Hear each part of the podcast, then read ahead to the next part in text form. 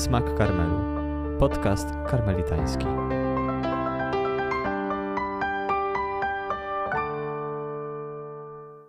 Witajcie w kolejnym odcinku naszego podcastu. Jest to ostatni przedświąteczny odcinek, dlatego temat, który dzisiaj podejmiemy, też wpisuje się z jednej strony w ten klimat Wielkanocy, w zasadzie całego Triduum Paschalnego, które się zbliża, z drugiej strony w naszą serię o Nocy Ciemnej, którą kontynuujemy. Jest z nami dzisiaj ojciec Paweł Urbańczyk, doktor teologii dogmatycznej i obecnie również redaktor naczelny Głosu Karmelu. Witam serdecznie i bardzo dziękuję za zaproszenie. E, a skoro jesteśmy przy Głosie Karmelu, to właśnie ukazał się nowy numer Głosu Karmelu, w którym jest również artykuł dotyczący smaku karmelu. Więc zapraszamy do kupowania Głosu Karmelu, do czytania naszego artykułu i całego numeru. No i zapraszamy również do wspierania nas na Patronajcie, bo tam właśnie również się pojawiliśmy. Każde Wasze wsparcie pomoże nam rozwijać podcast, zapraszać różnych ciekawych gości, więc z jednej strony prosimy o wsparcie, z drugiej strony już dziękujemy i dziękujemy tym patronom, którzy już się pojawili i już nas wspierają. A przechodząc do tematu, no właśnie, zbliża się Triduum Paschalne. Często mówimy w Kościele o misterium paschalnym Chrystusa, no ale jest to rzeczywistość, która wydaje się taka bardzo odległa. Obecna gdzieś może na kazaniach, w liturgii to są słowa, które się powtarzają, ale słowa, które często wydają się bardzo odległe i które nie mają nic wspólnego z naszym życiem. No właśnie, czy faktycznie tak jest? No, to pytanie już z góry zakłada odpowiedź, że tak nie jest, ale w takim razie, co w misterium paschalne Chrystusa ma wspólnego z naszym życiem, żeby zacząć tak już od samej istoty rzeczy? Wszyscy jako ludzie każdego czasu, każdego wieku mamy doświadczenie e, ciemności, mamy doświadczenie bycia oddzielonymi od e, światła. E, jest to doświadczenie ludzkie, doświadczenie, które łączy wszystkich ludzi, niezależnie od tego, czy są wierzący, czy nie. Odnosząc się do, do tego wstępu, który zrobiliście o Patronajcie, pomyślałem sobie, że właśnie Jezus e, jest tym, który e, jest patronem nocy ciemnej. On jest tym, który e, wyjaśnia i sponsoruje człowiekowi zrozumienie to, tego, co się dokonuje w jego życiu, a czego się najczęściej boi, czy od czego ucieka, czego nie rozumie i z czego chciałby jak najszybciej uciec, czyli doświadczenia własnej nocy.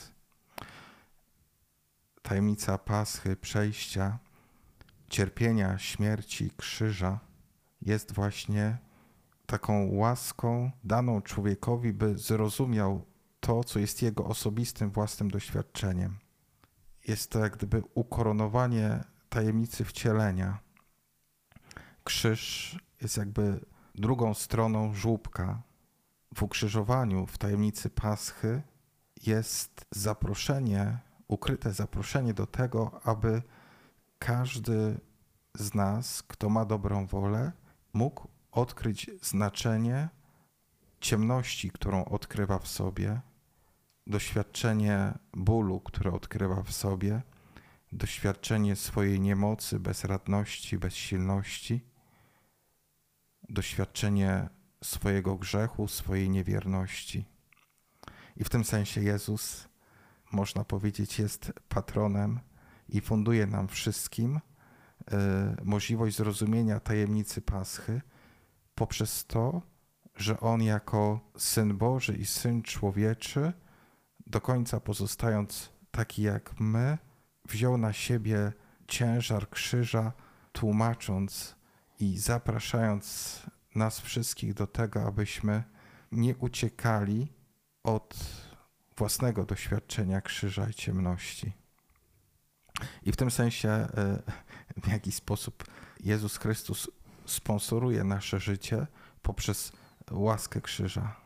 Sponsoruje w ten sposób, że daje nam konkretne możliwości, abyśmy zrozumieli to, co się dokonuje w nas. No właśnie, i to jest chyba to kluczowe pytanie, co się w nas dokonuje. Wspomniał ojciec przedtem właśnie, że Pascha jest przejściem. To jest faktycznie chyba to najczęstsze tłumaczenie, które się spotyka tego słowa.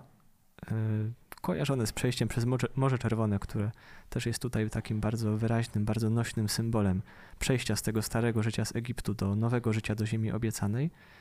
No właśnie, i mówimy o misterium paschalnym Chrystusa, czyli o tym przejściu, które Chrystus dokonuje przez krzyż ze śmierci do życia, do życia zmartwychwstałego.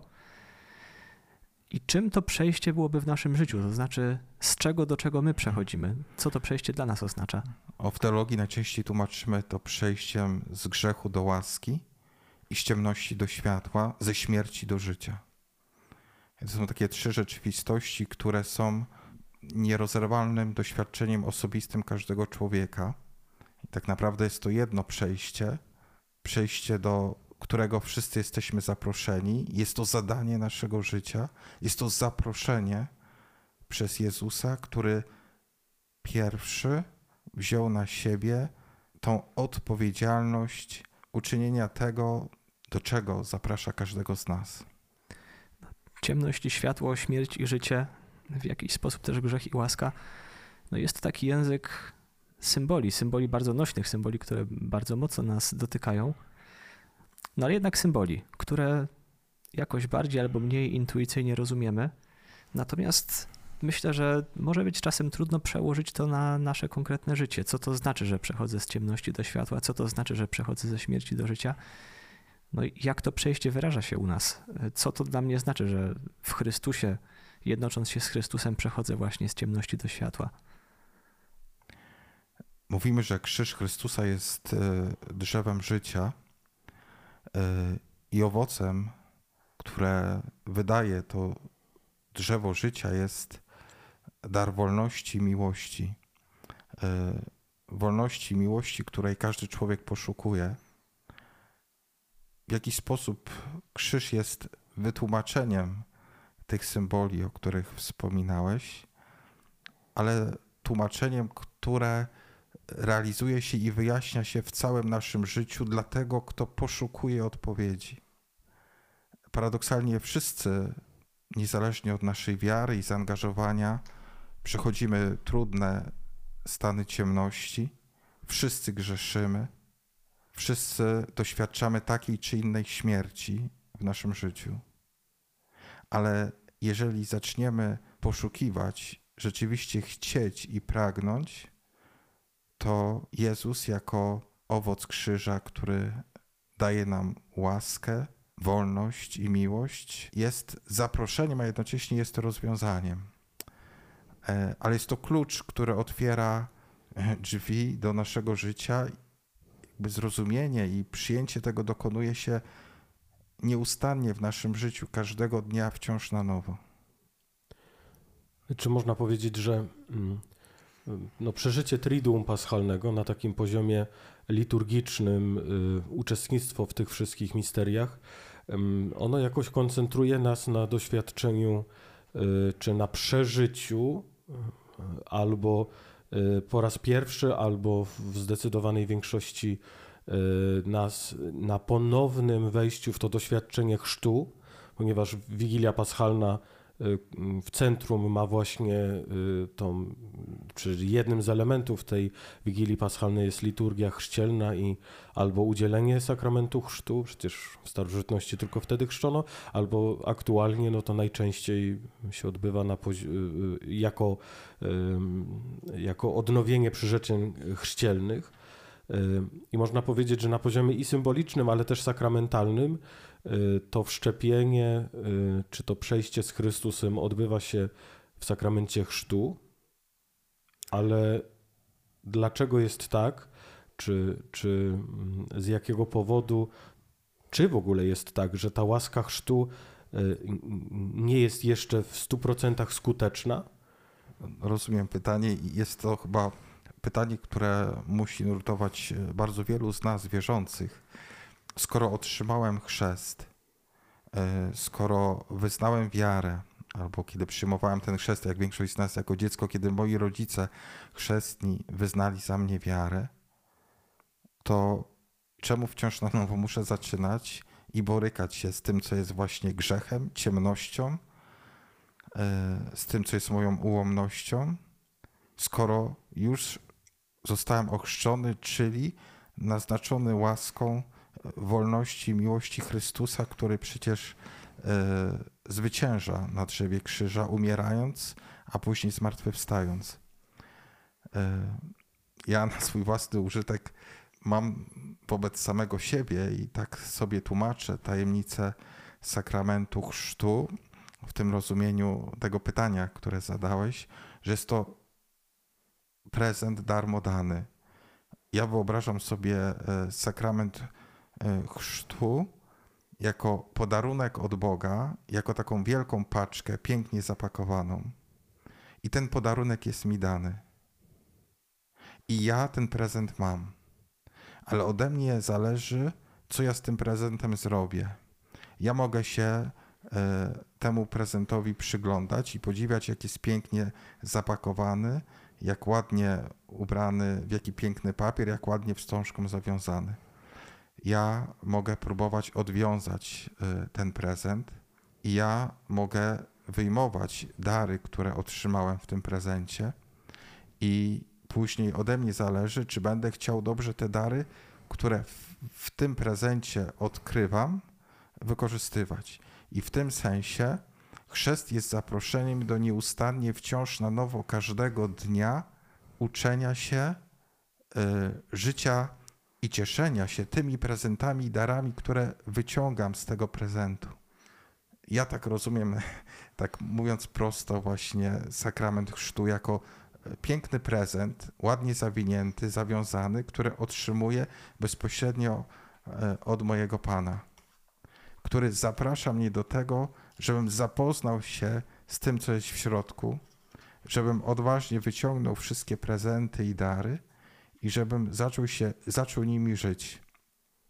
E, I w tym sensie e, chrzest, choć e, jest sakramentem, a więc działa mocą sakramentalną w życiu każdego z nas, to jednocześnie jest rzeczywistością, którą każdy z nas musi osobiście odkryć i od niego tak naprawdę zależy, czy będzie chciał skorzystać z tych darów i prezentów, które otrzyma. Myślę, że to jest dobry moment, żeby uporządkować te różne poziomy, które nam się pojawiają, bo no właśnie, jest tego dużo i może się pojawić pewien mętlik w głowie, bo z jednej strony mamy misterium paschalne Chrystusa, czyli po prostu to, co się historycznie wydarzyło na krzyżu i cały duchowy wymiar tego wydarzenia, Chrystusa, który zbawia człowieka i to przejście przez śmierć, przez krzyż do zmartwychwstania. Mamy symbolikę chrztu, który każdy czy większość z nas przeżył jako dziecko i też ta symbolika właśnie przejścia przez wodę, która jest symbolem śmierci, do nowego życia, którego z kolei symbolem jest biała szata. No i ten aspekt, który jeszcze może tutaj nie wybrzmiał, no ale właśnie jesteśmy w serii o Nocy Ciemnej, to o czym pisze Jan od Krzyża, czyli pewne doświadczenie ciemności, nieobecności Boga, e, jakiejś, jakiegoś wielkiego duchowego cierpienia, czy rozpadanie się jakiegoś starego życia, które właśnie ostatecznie prowadzi do, do życia nowego. Z jednej strony mamy te różne poziomy, z drugiej strony jest jakiś wspólny motyw, tak jak motyw muzyczny, który przewija się w różnych fragmentach utworu i który powraca. Jest śmierć, która prowadzi do życia. I kiedy przygotowywałem się do tego odcinka, trafiłem u Jana od Krzyża na 23 strofę pieśni duchowej, która wydaje mi się świetnym kluczem do zrozumienia tego właśnie, co tutaj się dokonuje. Nie wiem, czy są jakieś, jakieś inne miejsca u Jana od Krzyża, na które nie trafiłem. Natomiast to jest na pewno takie wyjątkowe miejsce, gdzie Jan od Krzyża robi wyraźnie to odniesienie. Odniesienie drzewa krzyża do tego doświadczenia duchowego, które opisuje. I generalnie cała pieśń duchowa jest historią miłości, historią duszy, która poszukuje Boga, i finałem tego są zaślubiny duchowe, małżeństwo duchowe. Jan od Krzyża tutaj używa takiej metafory. Natomiast w 23 strofie, którą zaraz tutaj przytoczę, a może już ją przytoczę, która brzmi tak. Pod drzewem jabłoni poślubiłem cię, mamiła. Tam moją rękę ci oddałem i tam niewinność twoja powróciła, gdzie ją twoja matka niegdyś utraciła. I te zaślubiny, do których cały czas ta dusza zmierza, które są tym mistycznym zjednoczeniem z Bogiem, jakimś szczytem życia duchowego, Jan od Krzyża nagle dość może niespodziewanie odnosi do tego, co wydarzyło się na krzyżu. Że to właśnie na krzyżu Bóg, zbawiając człowieka, dokonuje tych zaślubin. Jan od Krzyża tak to komentuje. Zaślubiny, które dokonały się na krzyżu, nie są tym, o czym teraz mówimy. Tamte zaślubiny dokonały się bowiem raz, gdy Bóg udzielił duszy pierwszej łaski, jaką otrzymuje każda dusza przez chrzest święty. Te zaślubiny dokonują się zaś na drodze doskonałości i spełniają się bardzo powoli i stopniowo. Chociaż te dwojakie zaślubiny są jednym i tym samym, zachodzi jednak ta różnica, że jedne odbywają się według postępowania duszy, a więc powoli, a drugie według postępowania Bożego, a więc dokonują się naraz. Mamy tutaj trzy elementy, o których właśnie wspominaliśmy, czyli z jednej strony krzyż, z drugiej strony chrzest, no i z trzeciej strony właśnie te zaślubiny duchowe, czy patrząc szerzej cały ten proces drogi, która do tych zaślubin prowadzi. No właśnie, teraz może spróbujmy wyjaśnić, jak to się ma wszystko do siebie, jedno do drugiego i, i do trzeciego jeszcze. Krzyż, śmierć i zmartwychwstanie zmieniają wszystko, ponieważ niosą ze sobą łaskę zbawienia, a jednocześnie krzyż, śmierć i zmartwychwstanie Chrystusa nie zmieniają nic y, y, w życiu człowieka, w takim sensie, że nadal przechodzi przez ciemności, nadal grzeszy i nadal doświadcza różnorodnych śmierci. Y, na krzyżu Jezus zbawia człowieka, czyli staje się patronem nocy ciemnej. To znaczy pokazuje cenę, a jednocześnie daje nam sposobność, abyśmy przeżyli swoją noc ciemną. Staje się patronem naszej nocy ciemnej. I jeżeli ta łaska jest raz dana przez zbawienie, to tak naprawdę ona dokonuje się nieustannie w życiu każdego z nas, każdego dnia wciąż na nowo, każdego dnia, kiedy wyciągamy te różne dary, te talenty y, i prezenty z tego jednego pięknie opakowa opakowanego, raz danego daru zbawienia, który przyjawia się we Chrzcie Świętym. Wydaje mi się, że Jan od Krzyża tutaj y, odnosi się y, bardzo wyraźnie do wolności człowieka. Wolność jest tą rzeczywistością, z którą człowiek może uczynić co chce i którą może wykorzystać jak chce. Wolność, która była źle zagospodarowana przez pierwszych rodziców w raju.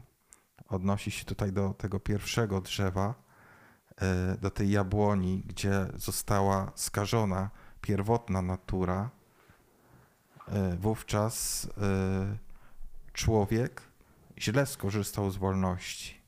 I tak rozumiem tajemnicę zbawienia, że Bóg posyła swojego syna, aby nauczył wszystkich, w jaki sposób dobrze korzystać ze swojej wolności, ponieważ człowiek sam siebie nie był w stanie odkryć tego największego daru, jakim jest wolność, to znaczy ukierunkować swojego życia na prawdę i miłość. Co tak naprawdę się stało w raju, kiedy podczas e, e, sceny, e, którą nazywamy sceną grzechu pierworodnego, Ewa zrywa jabłko i podchodzi do drzewa poznania dobra i zła. Chce skorzystać ze swojej wolności na swój własny sposób. To znaczy, chcę poznać pod, pod szeptem złego ducha, e, co jest dobre, a co złe, co prawdziwe, a nie co prawdziwe, ponieważ zaczyna nie dowierzać, że to, co usłyszała od Boga, że to, co jest dobre, jest rzeczywiście dobre, a to, co jest złe, jest rzeczywiście złe. Ona chce się przekonać, czy rzeczywiście tak jest. To znaczy, sama chce spróbować zadecydować o tym, co jest dobre, a co złe. I wtedy y, następuje y, wybór wolności, który jest y, skierowany na mnie. To znaczy, ja stawiam siebie w centrum ja staję się jak Bóg i ja decyduję, w jakim kierunku i w jaki sposób ma się toczyć moje życie. I później zaraz Jan przenosi nas pod drugie drzewo, gdzie Jezus zaprasza nas do odkrywania na nowo swojej wolności. E, już nie wolności skierowanej ku sobie, gdzie ja staję się centrum, ale wolności polegającej na tym, że ja w swojej ludzkiej wolności decyduję się e, wybrać Boga i uznać, że dobre jest to, o czym Bóg mówi, że jest dobre, i że złe jest to, o czym Bóg mówi, że jest złe. Czyli można tak powiedzieć, e, jeszcze porządkując te trzy nasze elementy, czy trzy wymiary, że historycznie w życiu Chrystusa ta pascha dokonała się i o niej czytamy na przykład w relacji ewangelistów. E, my w niej uczestniczymy dzięki sakramentom, na przykład dzięki sakramentowi chrztu, który otrzymaliśmy.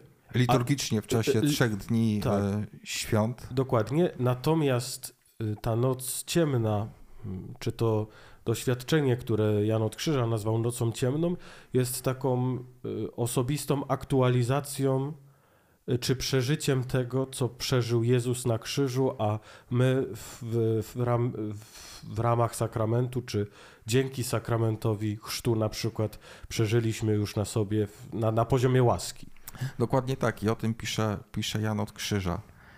Jeżeli nie przyjmiesz tego daru, łaski, daru chrztu, daru zbawienia, raz danego z góry od Boga, w taki sposób, że nie będziesz go nieustannie przyjmował jako człowiek każdego dnia wciąż na nowo, to wówczas na nic ci się przyda ten dar, który otrzymałeś, bo możesz tylko na niego patrzeć, a z niego nie skorzystasz, ponieważ go nie rozpakujesz.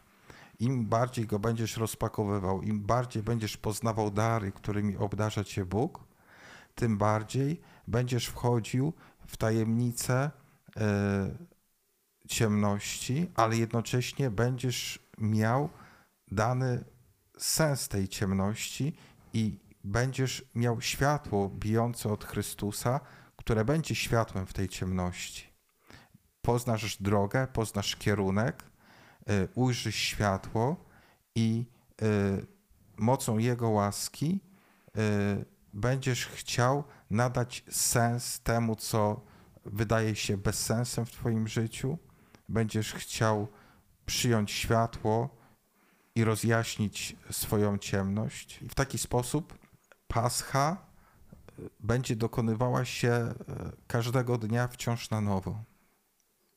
I, I zobaczcie, że jakby całe wydarzenie paschalne, ono dokonuje się również w Eucharystii. I codzienne uczestnictwo w Eucharystii ma również ten sens, że Pascha Jezusa jest potwierdzana wobec nas każdego dnia. Jezus mówi: To jest ta droga, to jest dobra droga. Ja ją wybrałem, naśladujcie mnie i idźcie za mną. Jest to nieustanne wsparcie pomoc i zaproszenie ze strony Jezusa, aby iść drogą Paschy. I również z tego e, punktu widzenia codzienna Eucharystia jest wspaniałym darem i rozświetleniem naszej codziennej drogi ku Niemu. Cieszę się, że ten wymiar sakramentalny również został tutaj wspomniany, bo on też zwraca nam uwagę na coś, wydaje mi się, bardzo ważnego, że Chrystus nie powiedział tylko, no właśnie, to jest droga, którą macie iść, którą ja wam pokazałem, ale powiedział coś więcej. Ja jestem drogą.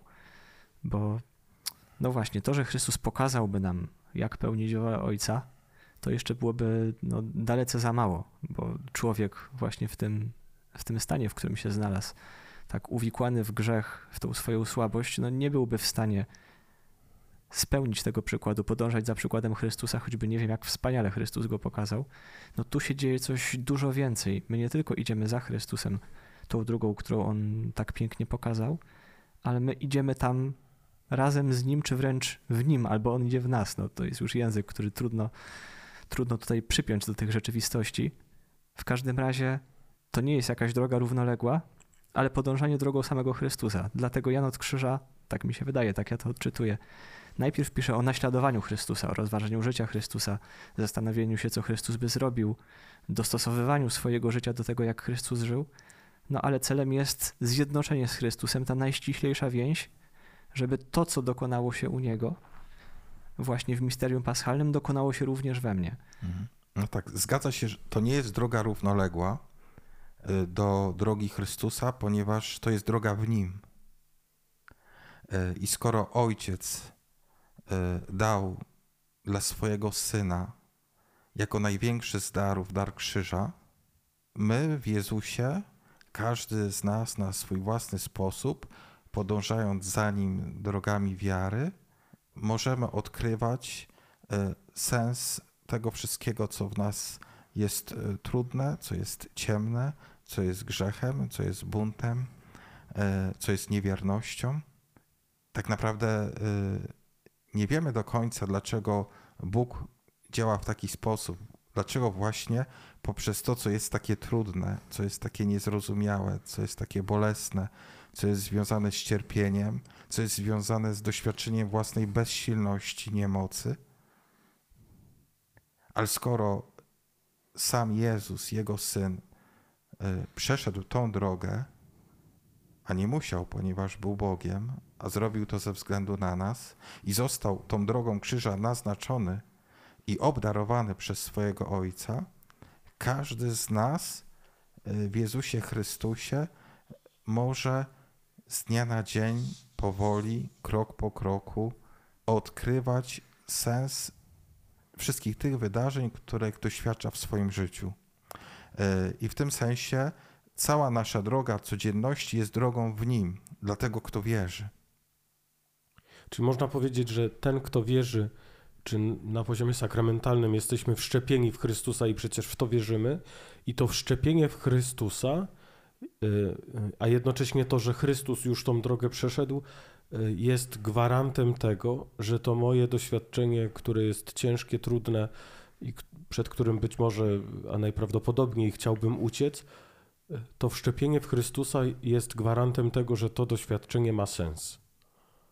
Z jednej strony y, jest gwarantem, ale z drugiej strony jest to słowo gwarancja, która jest, może użyłbym innego słowa, jest to krzyż jest pewnym kluczem który pozwala mi otworzyć e, bramę, przez którą mogę e, wejść i zrozumieć, przyjąć, zaakceptować to wszystko, czego nie chcę akceptować, co chcę odrzucić, co mi się we mnie nie podoba, wszystkie moje zranienia.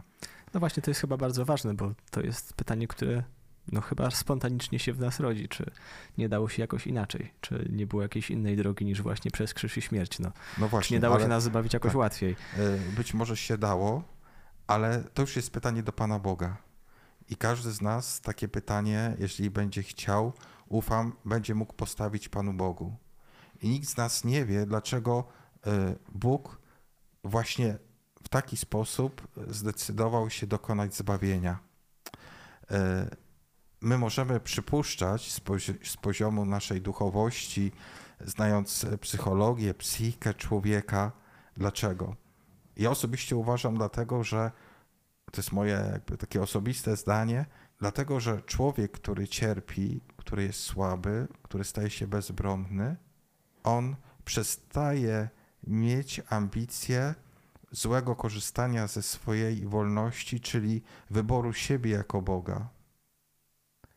E, wtedy człowiek staje przed Bogiem w całej swojej bezradności i bezbronności i mówi: Panie Boże, ja już więcej sam nie potrafię.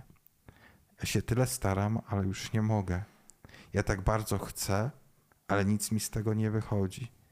Ty bądź moim Bogiem. Ja chcę, abyś Ty był moim Bogiem. Ja chcę podporządkować moją wolę Twojej woli. Wydaje mi się, że z takiego ludzkiego z takiej ludzkiej perspektywy patrzenia, cierpienie, ból, bezsilność i grzech są jedynymi możliwościami, kiedy człowiek, w których człowiek zaczyna się orientować, że lepiej dla niego byłoby korzystać z wolności w taki sposób, jaki chce Bóg dla niego, a nie w taki sposób, jaki chce on dla siebie. To znaczy, że Bóg daje mi prawdziwe szczęście, a wszystkie moje własne, osobiste koncepcje szczęścia zawsze kończą się tak, jak się kończą. Ale oczywiście to zawsze y, będzie pytaniem do, do Pana Boga. Dlaczego właśnie tak? z punktu widzenia ludzkiego doświadczenia psychicznego, emocjonalnego, e, duchowego, wydaje mi się, że właśnie wówczas człowiek jest najbardziej prawdziwy, w sensie bezbronny i jest to jakby okazja, gdzie człowiek może otworzyć się na dobre korzystanie z własnej wolności, ale ostatecznie to jest pytanie do Pana Boga i nikt nie wie dlaczego. Ja bym tu jeszcze nawiązał do jakiejś próby odpowiedzi czy interpretacji, którą daje Józef Ratzinger we wprowadzeniu w chrześcijaństwo. E, no tak, najpierw tytułem wprowadzenia on tutaj pisze, czy uważa, że owocem grzechu, owocem właśnie tego wyboru egoizmu, wyborem własnej wolności jakoś wbrew Bogu, jest samotność, że człowiek zamyka się w sobie, wpada w taką samotność, z której już nie jest w stanie sam się wydobyć. I kiedy Ratzinger interpretuje scenę zstąpienia Chrystusa do piekieł, kiedy mówimy w wyznaniu wiary, że zstąpił do piekieł trzeciego dnia zmartwychwstał, to jakoś przeskakujemy nad tym już do zmartwychwstania i się nie zastanawiamy. No a Ratzinger właśnie się tutaj zatrzymuje i się zastanawia. I on odczytuje to, że Chrystus uczestniczy w tym losie człowieka podległego śmierci. I przez bramę śmierci dociera do tej ostatecznej samotności, w którą człowiek wpada przez grzech i w ten sposób przezwycięża piekło i przezwycięża tą ostateczną samotność. Bo skoro Chrystus tam zszedł, to człowiek już nie jest sam. Chrystus jest tam z nim. I właśnie poprzez to może człowieka z tej ostatecznej samotności wyprowadzić. I e, dla mnie dlatego jest to tak ciekawa czy, czy ważna myśl, jest to tak, tak cenna interpretacja, że jakoś nie przeskakuje zbyt łatwo nad tym problemem cierpienia, problemem grzechu, że Bóg nie zbawia człowieka na zasadzie stryknę palcami, przepraszam tutaj za tak banalne porównanie i udajemy, że nic się nie stało, że po prostu tego wszystkiego nie było, ale no w jakiś sposób czyni coś więcej. Schodzi do tego doświadczenia człowieka i przemienia je, czyniąc z niego drogę do zmartwychwstania. Nie unieważnia tego, co się stało, nie wymazuje tego z życia człowieka, ale to, co było jakoś przygniatające, to, co było trudne, staje się drogą do nowego życia. Mhm. Zostaje włączone w ten cały wielki rytm tej drogi paschalnej przez krzyż do zmartwychwstania. No, to jest dla mnie perspektywa, która jakoś bardzo mnie inspiruje i, i niesie. Mhm. No jest to bardzo piękna perspektywa Ratzingera, którą zareferowałeś. I tak mi się skojarzył obraz e, z Pisma Świętego, trzech młodzieńców w piecu ognistym, e, których prowadzi anioł. I kiedy e, czynimy to wyznanie wiary, stąpił do piekieł, trzeciego dnia zmartwychwstał, warto sobie uświadomić, że Jezus wstępuje do mojego piekła. Do piekła mojej niemocy, do piekła mojej rozpaczy, do piekła mojej bezsilności, e, do piekła mojego gniewu, e, do różnych wymiarów tego, co jest we mnie piekłem. I nie oznacza to, że od razu mnie z niego wyprowadza, ale on mnie prowadzi w tym moim piekle. Staje się przewodnikiem po moim piekle e, w taki sposób, abym zechciał przyjąć i zaakceptować wszystko to, co jest mi dane i dobrze nakierunkować moją wolność.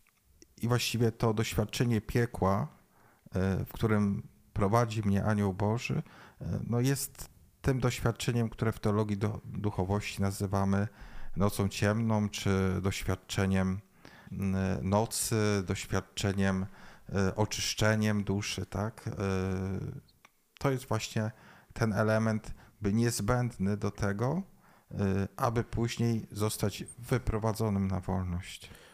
Tak, właśnie y, ta wolność wydaje mi się tutaj kluczowa, ponieważ y, no, wiemy, że źle wykorzystaliśmy wolność, y, która została nam dana, i teraz, gdyby to wyzwolenie, które Chrystus nam chce ofiarować, miało być na zasadzie tego przysłowiowego pstryknięcia palcami, byłoby to jakieś pogwałcenie też mojej wolności. A jeśli on wchodzi w to doświadczenie, nie wymazując go, tylko właśnie zbawiając mnie w tym doświadczeniu, to jest być może jedyna albo na pewno najlepsza szansa, żebym ja po raz kolejny mógł wybrać to dobre wykorzystanie wolności, którą zostałem mhm. obdarzony, czyli ta, ta wolność zostaje zbawiona we mnie. Tak?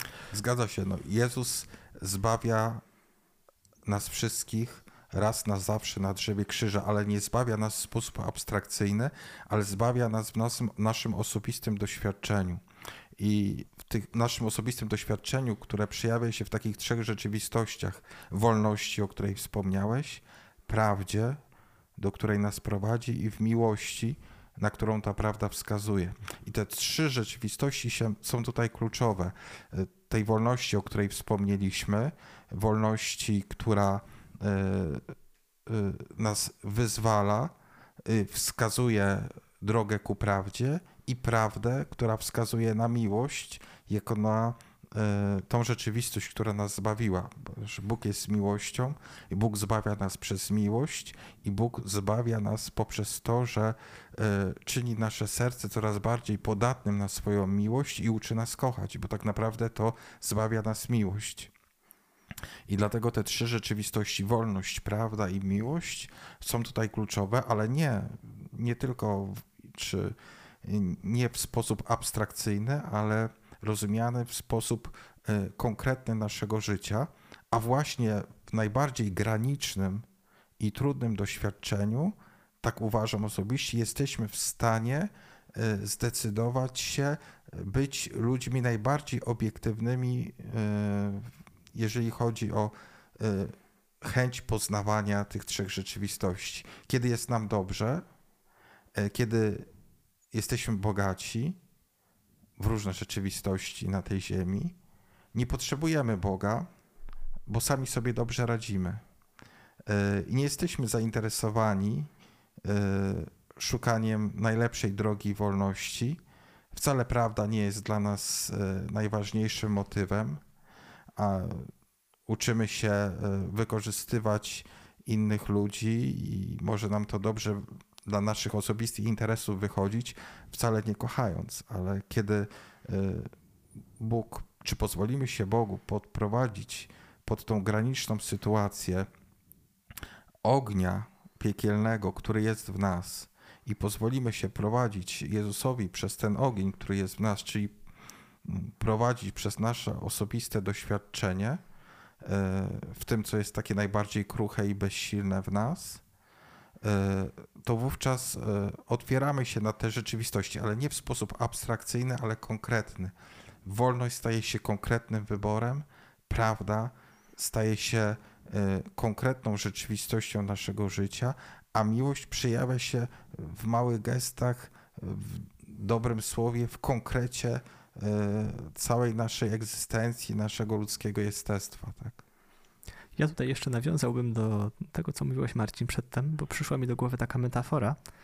No właśnie rodzica, który uczy dziecko czegoś nowego, dziecko, które na przykład zepsuło coś, jakieś urządzenie w domu. No i rodzic może powiedzieć, no nie przejmuj się, kupimy tutaj nowe. Udajemy, że nic się nie stało.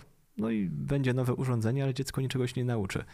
No a rodzic może powiedzieć, no słuchaj, popatrz, zepsułeś to, no i zobaczmy, co teraz da się z tym zrobić. E, widzisz, można to naprawić, tak się to robi. E, kosztuje to sporo trudu, trzeba się przy tym napracować, no ale dzięki temu to dziecko nie tylko ma to urządzenie, które straciło, ale też samo czegoś się nauczyło i wzrasta.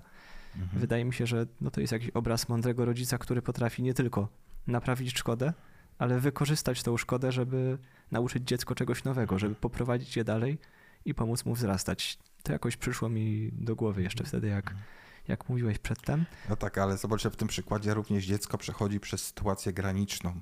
Rozwala mu się zabawka, zaczyna płakać i świat mu się zawala. I dopiero w konkrecie zepsutej zabawki y, zaczyna y, myśleć trochę innymi kategoriami niż do tej pory. To znaczy, wszystko mi się należy i chcę mieć wszystko to, co mi się wydaje, że dla mnie jest najlepsze. I to jest druga rzecz, do której chciałem nawiązać, właśnie te doświadczenia, które no, są w naszym życiu obecne. Cały czas jeszcze też za mną krąży ten obraz, który przed chwilą ojciec przywołał, Chrystusa, który prowadzi nas przez nasze piekło. Myślę, że obraz taki bardzo mocny i, i sugestywny. E, bo często też w kontekście krzyża myślę, że pojawia się taka trudność, że wydaje nam się, że Bóg przychodzi, żeby jakoś zepsuć nam życie, I my sobie tu jakoś to życie już poukładaliśmy, na tutaj nagle musimy się umartwiać, musimy szukać jakiegoś wyrzeczenia, musimy wchodzić na ten krzyż, przybijać się do tego krzyża, żeby dojść do jakiegoś zmartwychwstania, które gdzieś tam kiedyś może nastąpi. I to jest jakoś zupełnie niezrozumiałe i wręcz wbrew no, takiej zdrowej logice. Po co pozbywać się tego, co mam i co jakoś działa? A właśnie ta metafora pokazuje, że tego krzyża tak naprawdę wcale nie trzeba szukać gdzieś abstrakcyjnie. To jest to doświadczenie ciemności, które w sobie mam, doświadczenie samotności, której nie potrafię przekroczyć, doświadczenie tej wolności, która cały czas jest jakoś, jakoś za mała i cały czas zniewolona różnymi rzeczami, w które wpadam. I Chrystus nie wprowadza nas w jakąś właśnie abstrakcyjną noc, która jest gdzieś tam, ale wchodzi w tą noc, w której my jesteśmy po uszy zanurzeni mhm. i z niej nas wyprowadza. No, zgadzam się z tym e, całkowicie, właśnie tak jest. I tak sobie myślę, że czasami w naszym duszpasterstwie zbyt przeakcentowujemy e, pewne formy umartwienia, które musimy sobie znaleźć. Natomiast e, zbyt rzadko mówimy o potrzebie wprowadzenia czy dopuszczenia Jezusa do tych rzeczywistości, w których już trwamy i które są dla nas trudne. A tak naprawdę, jeżeli nie po, pozwolimy przeprowadzić się Jezusowi przez nasze własne piekło, to wówczas nie będziemy mieli łaski do tego, aby pozwolić się wprowadzić Jezusowi do nieba. I te dwie rzeczywistości są ściśle ze sobą uwarunkowane. Jeżeli y, ja zdecyduję się na umartwienie, które nie polega na szukaniu czegoś trudnego zawsze, ale y, jedynie, a może aż na tym, aby pozwolić, aby przeżyć ten trudny, trudną rzeczywistość mojego życia z Jezusem i poprowadzić się w tym moim piekle przez jakiś czas, pozwalając się oczyszczać, w tym właśnie E, sens zbawienia i w tym właśnie odkryję siłę do tego, żeby e, właściwie skorzystać z mojej wolności, bo wówczas uwierzę, że Jezus jest rzeczywiście prawdziwym przewodnikiem, że On e, potrafi poruszać się po piekle mojego życia i że On mnie prowadzi ku wyjściu, to znaczy do nieba. I w tym sensie doświadczenie Wielkiego Postu jest doświadczeniem nie tylko jakichś konkretnych umartwień, postów, postanowień, ale jest również takim zaproszeniem do tego, aby chcieć pozwolić oddawać Jezusowi wszystkie moje ciemności, czyli mówiąc inaczej, pozwolić Jezusowi wejść e, w moją ciemność i w moje doświadczenie piekła. E, I, i tak jak wspomniałem, jedynie wtedy będę gotowy na to, aby Jezus wprowadził mnie do nieba, kiedy najpierw stanę się gotowy, aby Jezus przeprowadził mnie przez moje piekło. W takim razie pozwolę sobie na tutaj troszkę może przewrotne pytanie. No skoro jesteśmy w tym piekle i skoro to jest coś, czego, czego doświadczamy, w co Chrystusa musimy wpuścić, no dlaczego tak trudno nam go tam wpuścić i dlaczego tak trudno nam z tego piekła wyjść? Dlaczego często trzymamy się go rękami i nogami, żeby nie wejść właśnie w to, co proponuje Chrystus? Mhm. Myślę, że tutaj może być wiele różnych odpowiedzi, ale taka, która mi się tak na gorąco skojarzyła, y, to jest to, że y, mamy złą wizję, niewłaściwą wizję y, miłości Boga.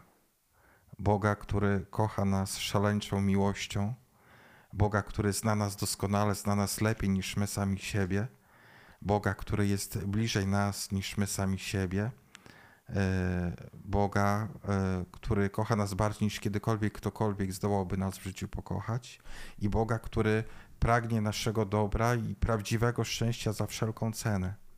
Boga, który nie chce wyrządzić mi krzywdy, który nie chce mi wciąż na nowo wypominać mojego grzechu, który nie chce mnie potępiać, ale Boga, który przychodzi, by mnie podnieść, by mnie zbawić, by mnie wyrwać z bagna moich niewierności i grzechów, który chce mnie przytulić do swojego serca i który kocha mnie bezinteresowną, wielką miłością. I nie jest to prawda teoretyczna, ale taki jest Bóg. I myślę, że to, że nie chcemy pozwolić się prowadzić Bogu przez nasze osobiste piekło, wynika z tego, że nie wierzymy w takiego Boga. Znaczy, nie wierzymy, że Bóg jest aż tak wspaniały i dobry i ma taką moc, aby prowadzić mnie przez to piekło, nie potępiając mnie. A może nie wierzymy, że po drugiej stronie jest coś lepszego, że z tego piekła w ogóle jest wyjście?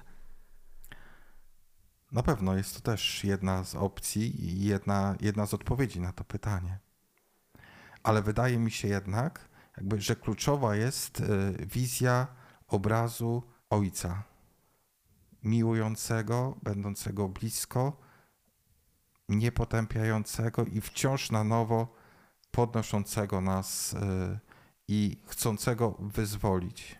Mhm. Może, żeby nie kończyć na tym piekle, pozwólmy się z niego wyprowadzić, bo to, co znowu wydaje mi się fundamentalnie ważne w misterium paschalnym, to to, że misterium paschalne jest całością. I często może skupiamy się właśnie na tym aspekcie krzyża. No, nawet liturgicznie wydaje mi się, że Wielki Post jest jakimś takim dużo mocniejszym, dużo intensywniejszym okresem niż okres wielkanocny. W Wielkim Poście mamy gorzkie żale, mamy drogi krzyżowe, mamy rozważanie męki Chrystusa. Potem przychodzi misterium paschalne, no i w okresie wielkanocnym w zasadzie nie wiemy, co ze sobą zrobić.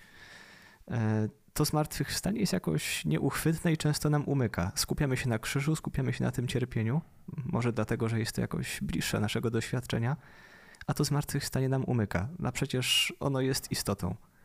No zgadza się i, i, i zobaczcie, że y, Bóg y, w jaki sposób kończy się przejście y, Pascha.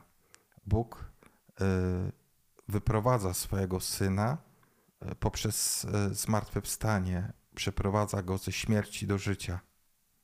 I to, co Bóg uczynił ze swoim synem, czyni e, w życiu każdego z nas. I ta moc e, Bożego zmartwychwstania jest właśnie mocą, która nas prowadzi przez nasze piekło i która nas z tego piekła wyprowadza. I to jest prawda, paradoksalnie, niestety dotycząca wielu, wielu chrześcijan, że my nie potrafimy się radować, żyć pogodą ducha i pokojem serca, wdzięcznością Bogu za dar Jego zmartwychwstania. Nie potrafimy się cieszyć e, małymi, drobnymi rzeczami naszej codzienności. Czasami wolimy się rzeczywiście zamartwiać i trwać w tym naszym codziennym piekiełku. Dlatego e, warto uczyć się wraz z Jezusem e, wychodzenia. E, ponieważ e, te piekła w naszym życiu zdarzają się, ale niebo trwa wiecznie. I Boża łaska, Boża miłość jest w nas zakorzeniona również przez tajemnicę Chrztu Świętego i ona jest pogłębiana przez wszystkie sakramenty i poprzez nasze życie modlitwy. E, I co prawda w tym życiu zawsze w jakiś sposób będziemy doświadczać radości na przemian z cierpieniem, pokoju, na przemian z, z jakimś zmąceniem naszego ducha, e, to jednak również e, powinniśmy prosić Jezusa o łaskę radości i świętowania razem z Nim życia wolności, tego życia, które wypływa z łaski Jego zmartwychwstania. W jaki sposób to uczynić? Każdy sam musi podjąć decyzję zaufania Bogu, że to On ma moc y, wydźwignąć go i to w nim jest nasze zmartwychwstanie.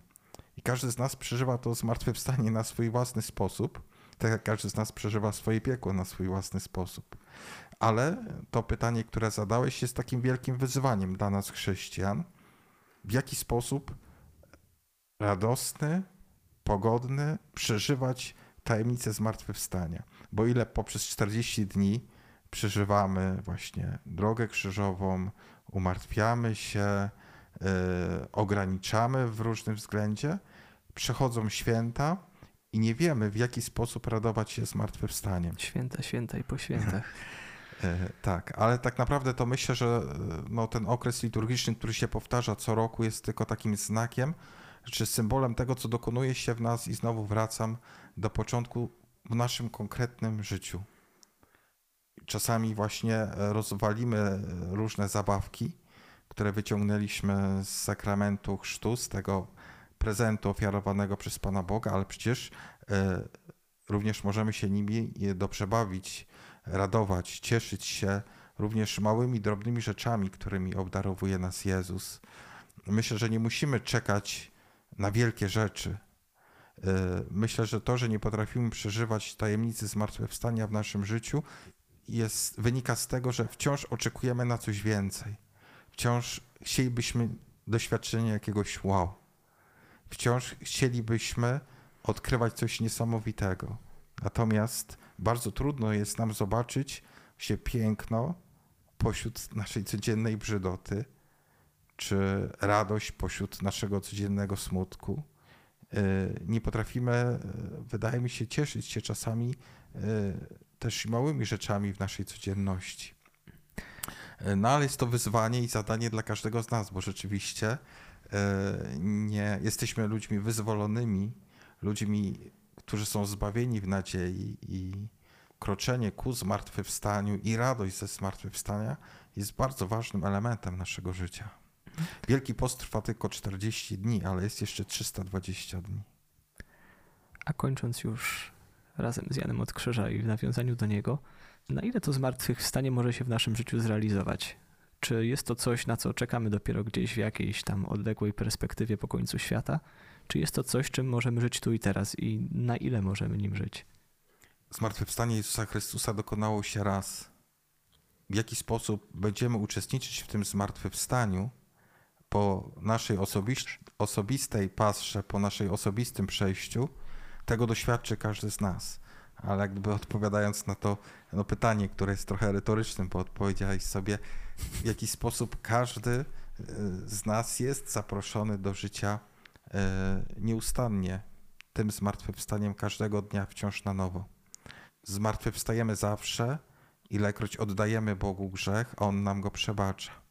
Zmartwychwstajemy zawsze, kiedy oddajemy Mu nasz smutek, a y, ufamy w Jego prowadzenie i pozwalamy wytrzeć sobie łzy i radować się Jego obecnością.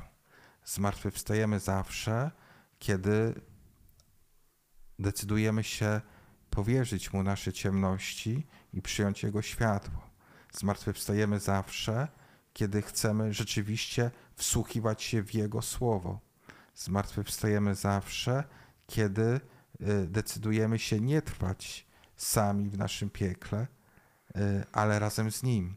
I tak myślę paradoksalnie, że wtedy, kiedy ja pozwalam się prowadzić przez piekło mojego życia przez Jezusa, ja już kroczę ku zmartwychwstaniu, chociaż jestem jeszcze w moim piekle ponieważ kroczy przede mną Jezus zmartwychwstały, a ja idę za Nim. Ja idę, choć przez piekło, idę ku niebu. Idę, choć przez ból i ciemności i żar tego piekła, idę e, ku radości nieba. On już jest moim przewodnikiem. Chociażbym przechodził przez ciemną dolinę, zła się nie ulęknę, bo Ty jesteś ze mną. Amen. No i tą wspaniałą wizją ku której prowadzi nas Chrystus, tego zmartwychwstania, które przecież w Jego życiu już się dokonało, a w naszym, na tym poziomie sakramentalnym również, e, abyśmy mogli też uczestniczyć w nim też tak egzystencjalnie, by się zaktualizowało w moim życiu i w Twoim życiu, oby te zbliżające się święta i każde święta nas do tego przybliżały, ale także każde przeżycie, każda chwila codzienności by nas do tego zbliżała.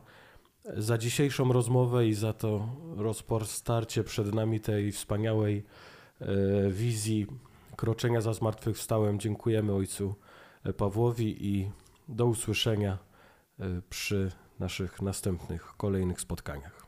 Dzięki serdeczne, Bóg zapłać. Do usłyszenia. Smak Karmelu.